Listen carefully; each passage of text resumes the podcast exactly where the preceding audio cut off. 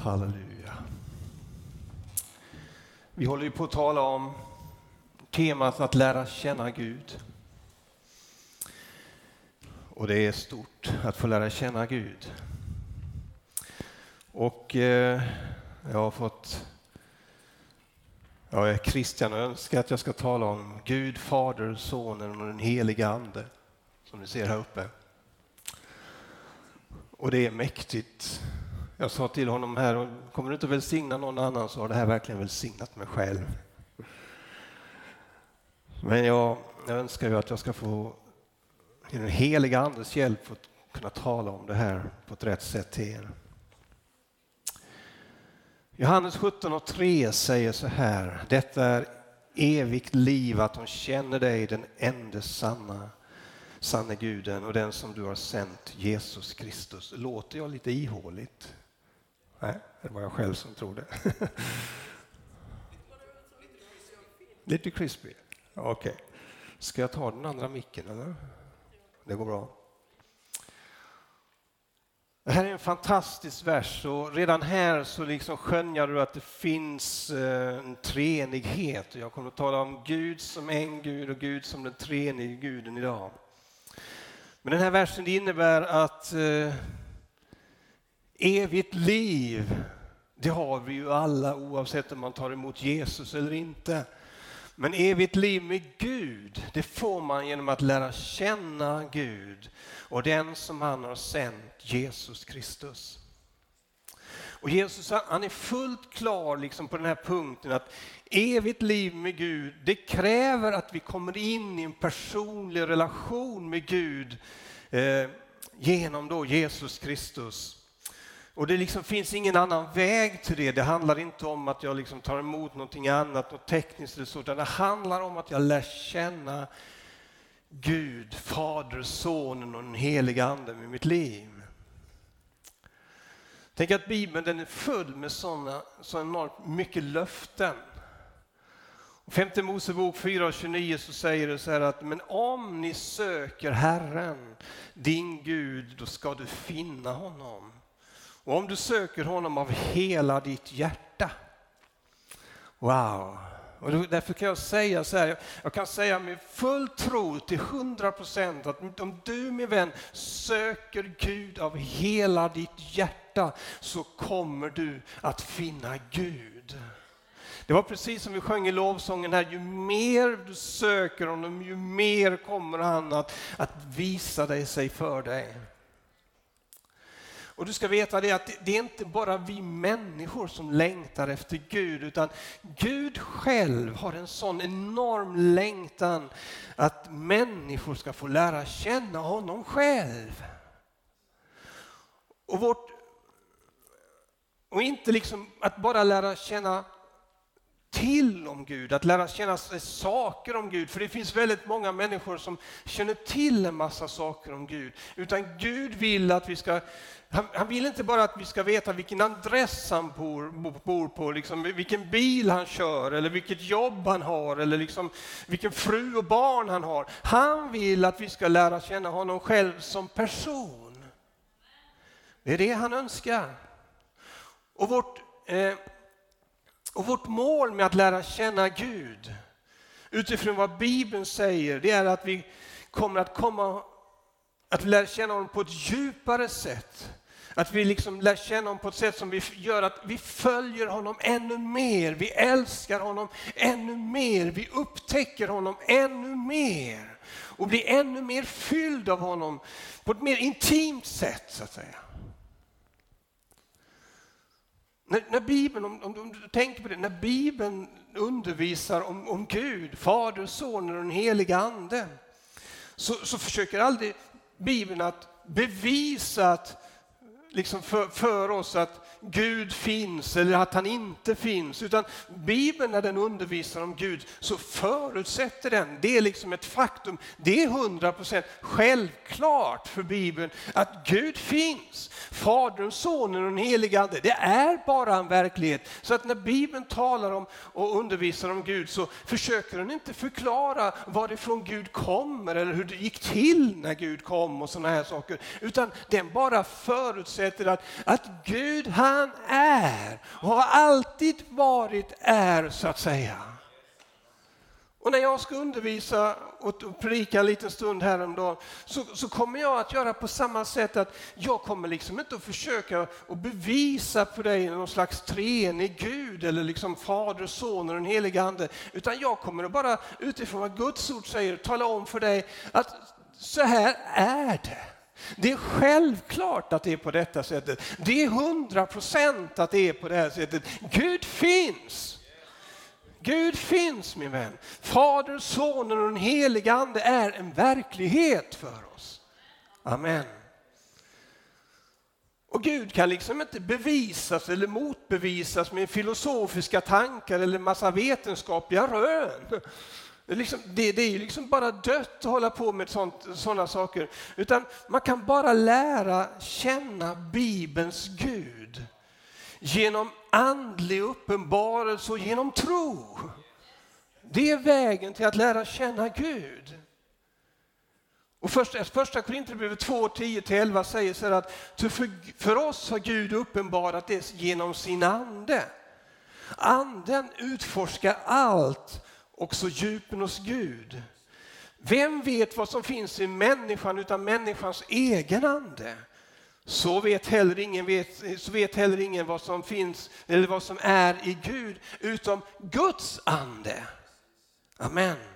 Men, om vi inte fått, men vi har inte fått världens ande utan den ande som är från Gud för att vi ska veta vad vi har fått av Gud, säger Bibeln. Så det, det är därför min vän att jag liksom intresserad av att försöka få dig på något sätt till en viss punkt i det här mötet. Utan det är den heliga anden som får uppenbara för, det, för dig, för det dig när jag läser Guds ord för dig. Amen. Halleluja. Eh.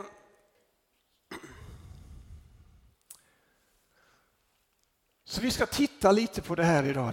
Gud är en. Samtidigt som han är Fader, Son och den helige Ande. Galaterbrevet 3 och 20 säger så här, och jag kunde plocka, kunde plocka fram en massa bibelverser på det, men som sa Gud är en. Att det finns bara en enda Gud och ingen annan. Gud är en. Det är vad Bibeln säger. Och du kan läsa 5 Mosebok 32 och 29, 39 också. Att se nu jag, jag är Gud. Det finns ingen Gud vid sidan om mig. Och det säger mig min vän att det finns bara en Gud.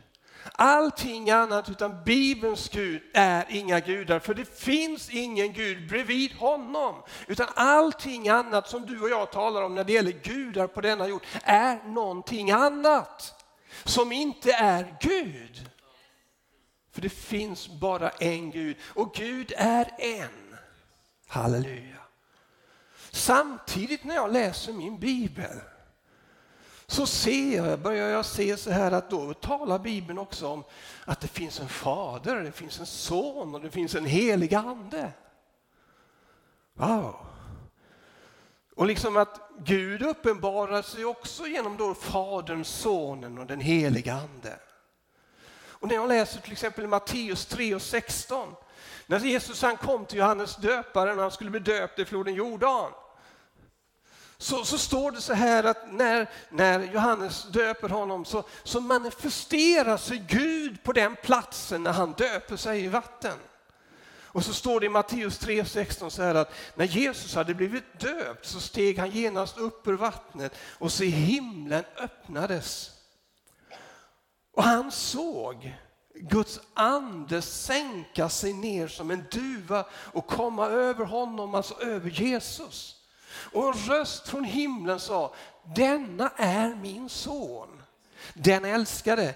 I honom har jag min glädje. Alltså här ser du Gud på en enda gång, fast i tre olika personer. Du ser Jesus som står i vattnet och liksom ska doppas ner i vattnet, eller man redan hade gjort det. Och så, och så ser du hur Den heliga ande sänker sig ner som en duva över Jesus och så hör du Faderns röst i himlen som säger att denna är min älskade son. Ja, vad är det nu? Är det en eller är det tre eller vad är det för någonting? Jag bara vill visa det. Jag kommer inte försöka göra det här för tekniskt idag. Absolut inte på något sätt. Jag bara konstaterar det här att, att, att Bibeln talar om det på det här sättet och, och eh, jag ska ta dig vidare och jag hoppas att det ska landa hos dig. Men du ser alltså Fadern, Sonen och den helige Ande i action samtidigt här. Jesu missionsbefallning, när Jesus han sänd, innan Jesus han går upp till sin fader och lämnar jorden så, så ger han sina lärjungar en befallning, en missionsbefallning brukar vi kalla det. Och det står i Matteus 28, vers 19-20. Gå därför ut och gör alla folk till lärjungar. Döp dem i Faderns och i Sonens och i den heliga Andes namn och lär dem att hålla allt vad jag har befallt er så är, och se jag med, med er alla dagar in till tidens slut. Halleluja. En Gud eller tre? Eller, jag vill att du ska sätta på nästa bild som eh, jag har. Jag har bara två bilder idag. Den. Jag ska inte, jag ska inte gå in så tekniskt men jag vill bara att du ska titta på den medan jag talar. Bibeln talar om Fadern. Och vi läser om Fadern redan i Gamla Testamentet, redan från, från, från, första, från Moseböckerna när vi läser där. Där talar Bibeln om Gud som fader till Israels barn. Och vi ser också att Fadern, Sonen och den helige Ande är själva Gud. Så när du läser om Fadern och studerar det så ser du att Fadern är Gud, Sonen är Gud och den heliga Ande är Gud. Och det gör det ännu mer lite förvirrande om vi ska liksom rent intellektuellt försöka tänka ut den här kombinationen då. Men jag vill inte att du ska göra det, inte riktigt än. Men du ser att Fadern är Gud. Femte Mosebok 32.6 så står det, är du så du lönar Herren, du dåraktiga och ovisa folk? Är han då ej din fader som skapade dig, han som danade och formade dig? Här säger han att, att fadern, att, att, att, det, att eh, Herren är fadern. Han, han säger också att fadern var med och skapade dig. Vem var det som skapade? Jo, det var Gud, eller hur? Och han danade och formade dig. Och i första Korinthierbrevet 8 och 6 så ser vi så här också att så har vi bara en Gud. Här har vi den, en Gud. Inte fler, finns inga andra gudar jämte mig. Fadern från vilken allting är till. Allting är till genom Fadern, ser vi. Halleluja. Och sen kommer vi till Sonen. Johannes 1 och 18, det har likadant där. Ingen har någonsin sett Gud. Den enfödde som själv är Gud. Halleluja. Så, så sonen Jesus Kristus är också Gud. Och sen kommer vi till den heliga ande. Där det står i Apostlagärningarna 5 och 3. Varför så har Satan uppfyllt ditt, ditt, eh, ditt hjärta så att du ljög? Jag ska bara säga, det här, det var, det här var Ananias och Safira, de hade sålt en, en åker och de hade fått pengar för det. Så skulle, gick de till församlingen och så skulle de liksom verka väldigt fina, att vi skänker väldigt mycket pengar. Så sa man att nu skänker vi alla pengar som vi har fått när vi har sålt den här egendomen som vi hade. Det var bara det att de bara gav en del till församlingen, men de gav sken av att ge allt till församlingen. Och då, det är det här som, som där vi kommer in då, så säger han, varför har Satan uppfyllt ditt hjärta så att du ljög för den heliga Ande? Och så fortsätter han sen att du har inte ljugit bara för människor utan för Gud, säger han. Den heliga Ande är Gud. Halleluja. Och eh, Det här rör ju till det lite för oss. Eller hur? Jag vet människor som har lämnat tron på grund av treenigheten för man får inte ihop det. Det finns till och med pastorer som har lämnat sin tjänst för att man har inte fått ihop treenigheten. Och det är därför jag försöker hjälpa dig idag. Eller att hoppas den heliga Ande ska hjälpa dig idag för att förstå hur viktigt det är med att vi har en Gud, men att han samtidigt är treenig. Fader, Sonen och den heliga Ande. Om vi, om vi går tillbaka till skapelsen, så samtidigt som vi läser att Gud är en, då, så ser vi så här i Första Mosebok 1 1, där står det så här att eh, i begynnelsen skapade Gud himmel och jord. Mm. Så när Gud han, så kommer Gud till den liksom sjätte dagen, när han skapar djuren och människan. Så säger Gud plötsligt så här att, och Gud sa det, låt oss göra människor till vår avbild, till att vara lika oss. Jaha.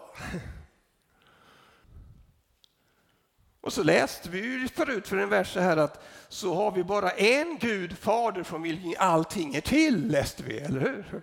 Och så talar Gud om sig själv som oss.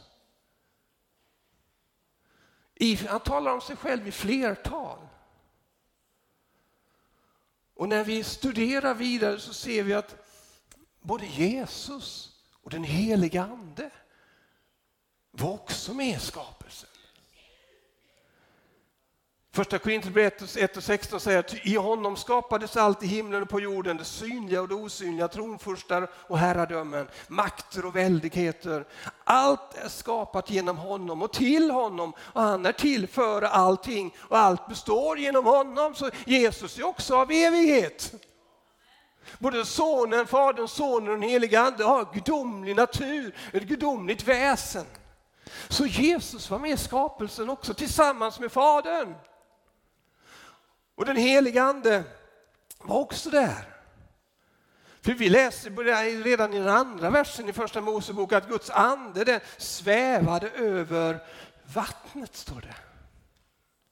Och när du läser psalm 103 eller 135 så står det så här att då sänder, du sänder din ande, då skapades det och du förnyar jordens ansikte.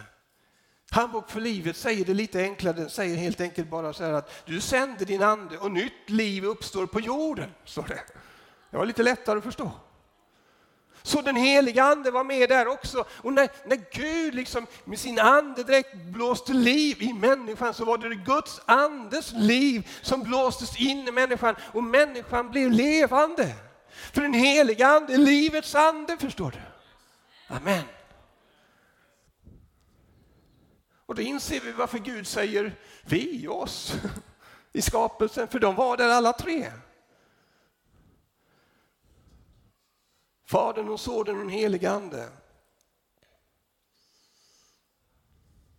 Och ju mer vi studerar Bibeln, ju mer ser vi att, att antingen är de i action, antingen var och en för sig eller tillsammans.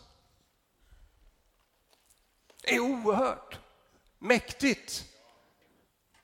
Och som jag sa också, att även om det teologiska begreppet treenigheten inte finns i Bibeln, du hittar inte det ordet i Bibeln, så är Bibeln full av undervisning där vi ser Gud som en samtidigt som ser Gud som tre konkreta personligheter eller personer som framträder var och en för sig. Och det, kanske den här bilden hjälper dig lite grann på vägen där du ser Gud är en, men han är Fader, Son och den helige Ande. Och Fadern det är inte detsamma som Sonen och Sonen är inte detsamma som den helige Ande och den helige Ande är inte detsamma som, som Fadern utan var och en liksom framträder de i sin person, men de är fortfarande ett väsen.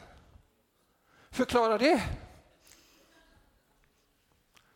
Men det, var, det, det, liksom det, handlar inte om att behöva förklara det, utan Gud uppenbarar det här och så tror vi på det. Vi ser att det fungerar. Det är inte tre gudar, för då skulle två av dem vara avgudar, eller hur? Då skulle Gud liksom gå mot sig själv. Utan det är en Gud som framträder i tre personligheter, men de är fortfarande ett väsen, de är Gud. Halleluja. Det här, det här slår ju fullständigt knut på all mänsklig logik och matematik, eller hur? Finns det någon mattelärare här? Nej, jo, där fanns en. Så här kan ju inte du undervisa i skolan.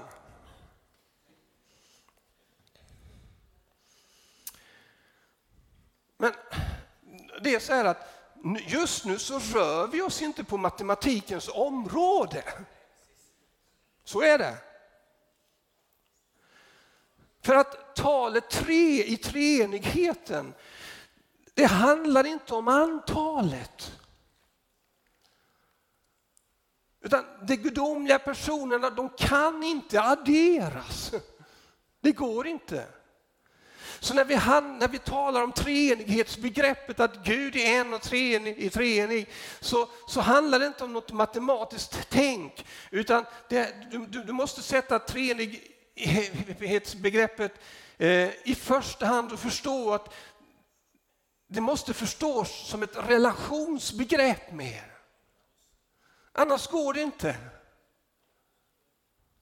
Fadern, Sonen och den helige Ande är personer i den meningen att de existerar till, till varandra på något sätt. Och det är en mycket viktig innebörd och det är en, en, en, en grundläggande sak i treenigheten när vi talar om Fadern, Sonen och den helige Ande är att det är oerhört viktigt att Gud i sig själv är gemenskap med sig själv, så att säga. Förstår du? Alltså, du har Fadern, Sonen och den helige Ande. Och de utgör Gud, den mest fullkomliga gemenskap och den mest fullkomliga kärleksrelation som du någonsin kan hitta. Den är evig. Den är fullkomlig, den är oändlig, den är obegränsad. Den övervinner allt. Det är den naturen och det är det, är det som liksom Gud är i sig själv. Hänger ni med? Du vet att en gemenskap den är bara möjlig med flera, eller hur? Jag vet inte någon som har gemenskap med sig själv om det är så oerhört eh, enormt flödande att ha det. Men om, om Gud i sig själv endast var Fadern, till, till vem skulle han då rikta sin kärlek och, och älska? Om Gud endast vore Sonen, vem skulle han då dela sin kärlek med i tidens begynnelse? Eller? Om,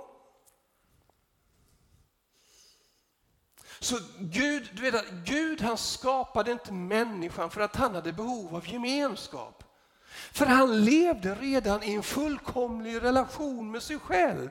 Det fanns ingenting som saknades i den relationen utan den var fullkomlig. Utan Gud valde ändå i sin kärlek och sin generositet att skapa människan. Han skapade inte dig och mig för att han hade behov av, av vänner. För han hade det redan till, på ett fullkomligt sätt. Eftersom han redan ägde den fullkomliga gemenskapen och kärleken som bara flödade mellan Fadern och Sonen och den helige Ande. Och vet att det som är så stort är att Guds längtan när han skapade människan. Guds enorma längtan det var bara att få ge sin fullkomliga, utgivande kärlek till sin skapelse, till människan. Alltså att den fullkomliga enhet, den fullkomliga kärlek, den fullkomliga relation och gemenskap som fanns mellan honom, Fadern, Sonen och den helige Ande, den ville han när han skapade människan, Adam och Eva, och så, och, och, och, så ville han bara liksom att förmedla den rakt in i våra liv. Förstår du treenigheten? Börjar förstå storheten i det. Så, så liksom det Gud tänker med dig och mig, det är att det ligger på Guds hjärta hjärta. Det är därför han längtar efter att få lära känna dig och mig, att vi ska få komma nära honom. För att han ska bara få låta sin kärlek, sin barmhärtighet, sin, sin enorma generositet, sin storhet, sin helighet, sin evighet, sin oändlighet sin allmakt, att den bara ska få träda in i våra liv, i våra kroppar, så att vi ska få leva i samma relation eh, med honom och med varandra. Förstår du?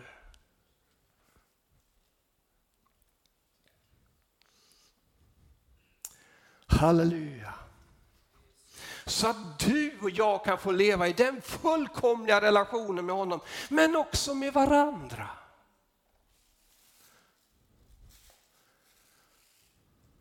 Du förstår att Guds kärlek och allmakt och oändlighet och evighet och helighet i treenigheten, det är grunden. Det är själva modellen, det är själva exemplet för vår enhet i Guds församling. För kärleken i Guds församling, för enheten i Guds församling. För, för kärleken i ditt äktenskap, i din familj, för kärleken mellan vänner eller vad det än är. Det, det här, den treenigheten, den kärleken och gemenskap, det är liksom exemplet och modellen som du och jag ska få, liksom, få träda in i när vi tar emot Jesus Kristus i våra liv. Johannes 17, och 21 och 23 säger så här. Jag ber att de alla ska vara ett. Jesus ber så alltså. Och att så som du Fader är i mig och jag är i dig. Också det ska få vara i oss. För att världen ska tro att du har sänt mig och den härlighet som du har gett mig den har jag gett dem, alltså oss. För att de ska vara ett. För att de ska vara ett. Där. Jag hittade inte tillbaka till texten. Liksom vi är ett. Jag i dem och du i mig för att de ska vara fullkomligt förenade till ett. Och då ska världen förstå att du har sänt mig och har älskat dem så som du har älskat mig. Hör, hör du liksom enheten och kärleken i relationen? Vers 26 så står det så här att jag har gjort ditt namn känt för dem och jag ska göra det känt. För att den kärlek som du har älskat mig mer med ska vara i dem. Nu la jag väl in ordet så du förstod vad jag talade om. Va? Halleluja. Därför så allt vad kristen tro handlar om en relation med Gud. Inte någon form, inte någon tradition, inte någon kultur, ingen filosofi, ingenting sånt. Bara relation med Gud. Och Det var därför jag inledde, inledde också med att detta är det eviga livet. Att de känner dig, den enda sanna Guden och den som du har sänt Jesus Kristus. Gud han vill rena dig från alla dina synder. Gud han vill förlåta dig, Gud vill upprätta dig. Och det behöver Gud göra för att för att när vi har synd i oss så, så, så, funkar det liksom inte att komma till Gud för han är helig och ren. förstår du. Därför så kom Jesus ner på jorden, levde här, sänd av sin fader. Och sonen han kom av egen fri vilja, av kärlek och underordnade sig faderns vilja, kom till jorden. Då, levde här, dog för din och min synd på korset. Och där bar han all din och min synd på korsets trä.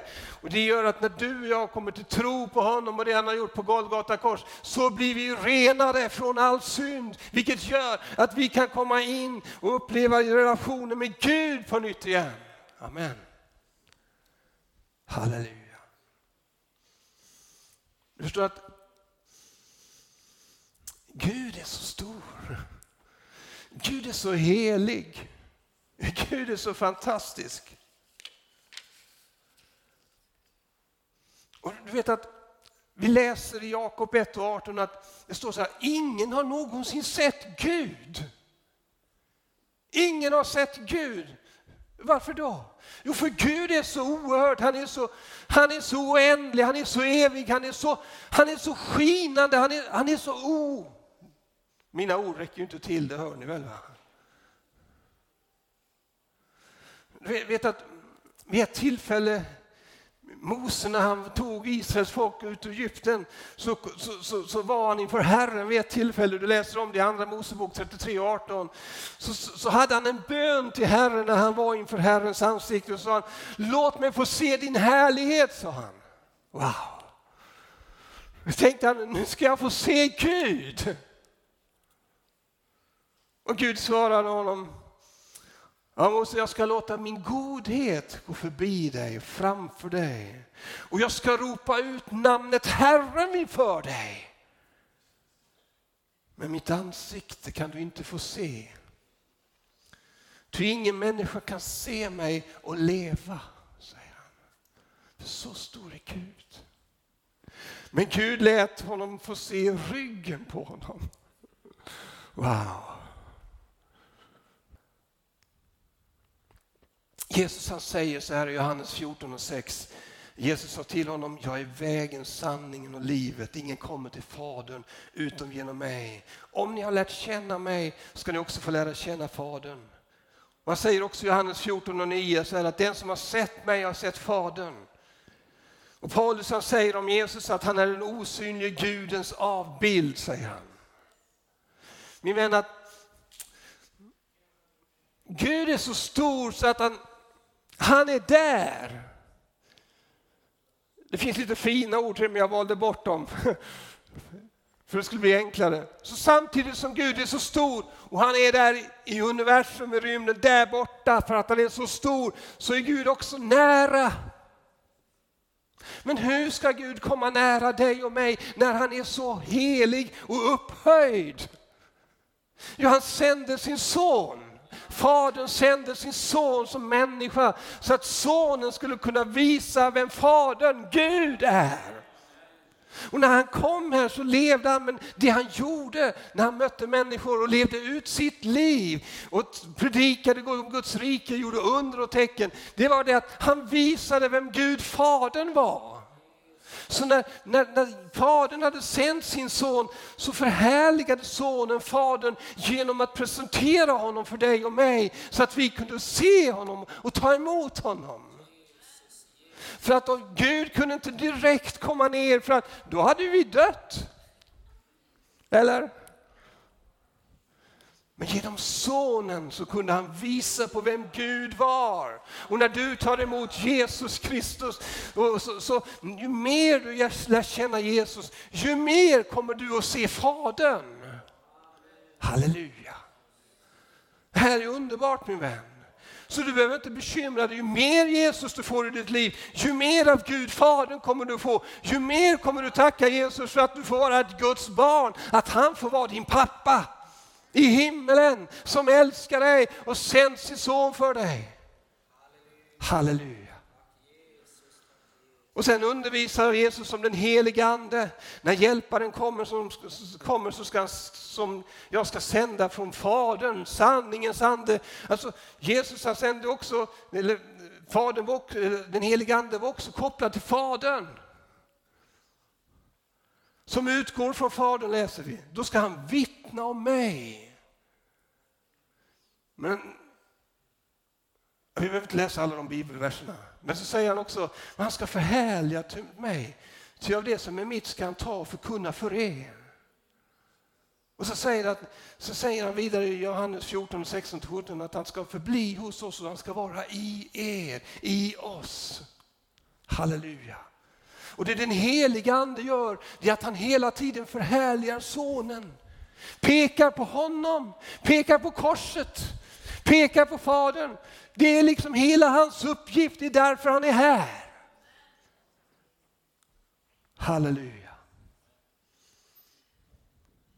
Och dessa tre tillsammans är fullt ut en Gud. Som jag får lära känna. Halleluja. Det finns många olika bilder av treenigheten. Här har ni en, en, en jag tror detta är en, en av de bästa förklaringarna som vi kan komma. Det finns många olika bilder. Jag ska bara avsluta här bara för att säga några saker till innan lovsångsteamet kommer fram. En bild som jag tycker är en väldigt fin bild är att vi kan likna Gud vid solen.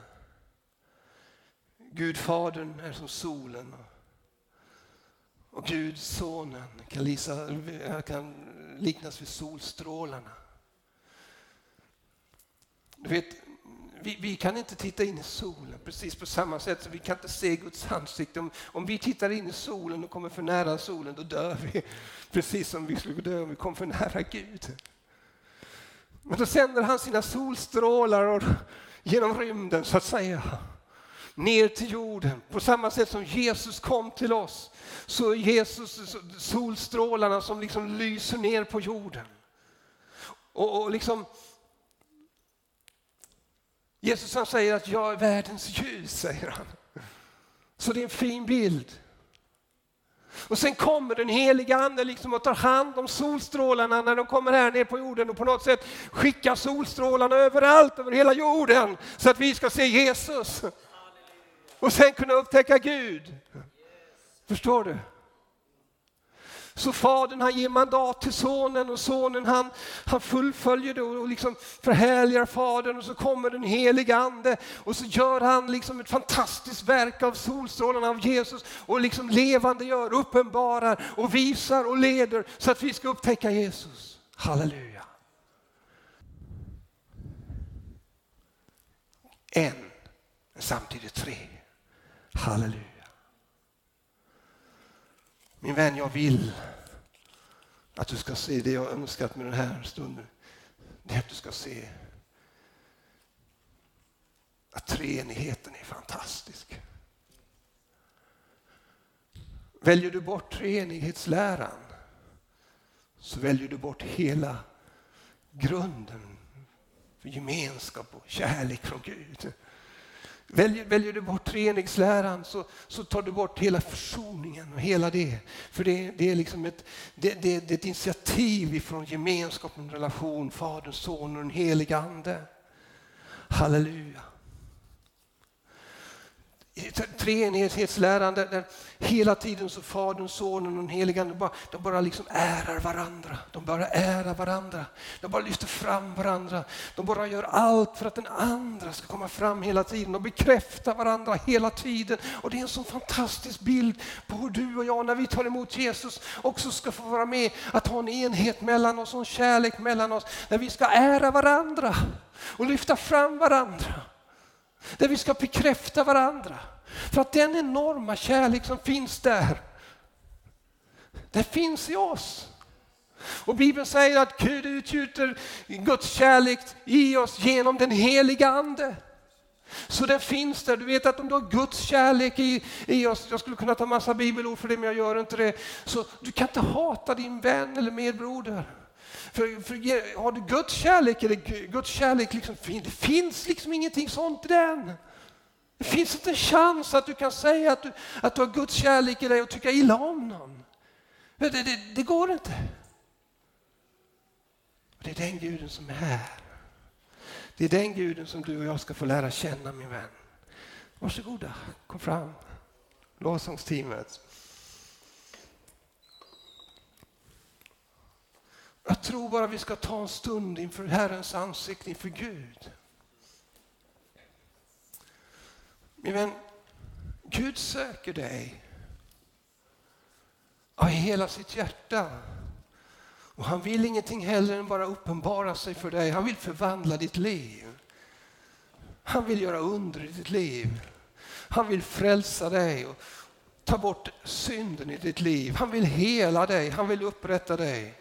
Han vill att upprätta relationerna mellan oss. i Enhet att, liksom, att, att, att Guds församling på jorden ska liksom bli det, det, det fantast, mest fantastiska exempel vad det innebär att ha gemenskap med varandra. Det ska inte finnas något like på hela jorden utan i Guds församling, där finns det. Varför? Jo, för det är den treenighetens Gud som, som har liksom planterat ner sig i sin församling. Halleluja. Så jag tycker vi ska lova honom en stund nu. Ska vi resa på oss? Jag tror vi gör så bara att vi bjuder in dig. Du som vill söka Guds ansikte, du som vill bara närma dig Gud, du som vill bara komma fram här, kanske böja knä. Bara ropa efter honom. Och så ska vi ha omsorg om varandra som Guds församling i det här mötet. Och det vi kan göra är att vi kan använda de tjänster och gåvor som Gud har lagt ner i oss. Vad vi kan göra i det här mötet är att den kärlek som Gud har gett mig och dig, den kan vi få vara med och leva ut i den här stunden som den här. Genom att lyssna, genom att be, genom att vara till för varandra. Genom att hjälpa varandra kanske ta ett steg till närmare Gud. Genom att befria varandra, genom att förlåta varandra. För det ska inte finnas någonting mellan oss som ska vara ett hinder. Utan vi ska vara ett exempel för världen. Ett exempel som gör att hon kan se Jesus i dig och mig. Det blir ett bevis för att Gud bor här. Halleluja. Och du som inte har tagit emot Jesus i ditt liv, du har ett fantastiskt vittnesbörd här. Det är underbart. Det är det största undret som kan ske, när en människa tar emot Jesus och blir frälst. En gång var jag med och bad för en 11-årig tjej. Vi var på ett läger. Hon var inte frälst. När jag åkte dit, full buss, vi var över 50 pers så kände jag så hon måste hata mig, kände jag. Hon var så sur, så arg på mig. Och jag har aldrig träffat henne förr. Och så efter tre dagar, tror jag det var, så hade vi ett möte och vi bad för varandra. Så går den här tjejen fram och så böjer hon knä. Så ber vi för henne. När vi bett för henne, det märktes att Gud rörde vid hennes hjärta. så. Och jag bad för henne, la händerna mitt emot henne så jag hade mitt ansikte vänt mot hennes ansikte. Så när hon lyfte upp sitt ansikte så var allt det där borta. Och hennes ögon de, de strålade. Hon var totalt förvandlad. Men från den stunden så älskade hon bara mig. mig. Jag vet inte varför. Hon ville, alltid, hon ville vara tillsammans med mig i resten av lägret och ville sitta bredvid mig och prata med mig och åka skidor med mig. Och... Hon var så fantastiskt underbar, kära tjejen. Hon blev frälst och fick möta Jesus, fick ta emot den treenigheten, kärleken, gemenskapen där. Så min vän, har du inte tagit emot Jesus ska du göra det. Men Gud älskar dig verkligen. Halleluja. Nu välkomna fram. Jag lämnar över till Christian nu. Gud välsigne dig. Och glöm inte att en treenighet i Gud är en fantastisk Gud. Amen.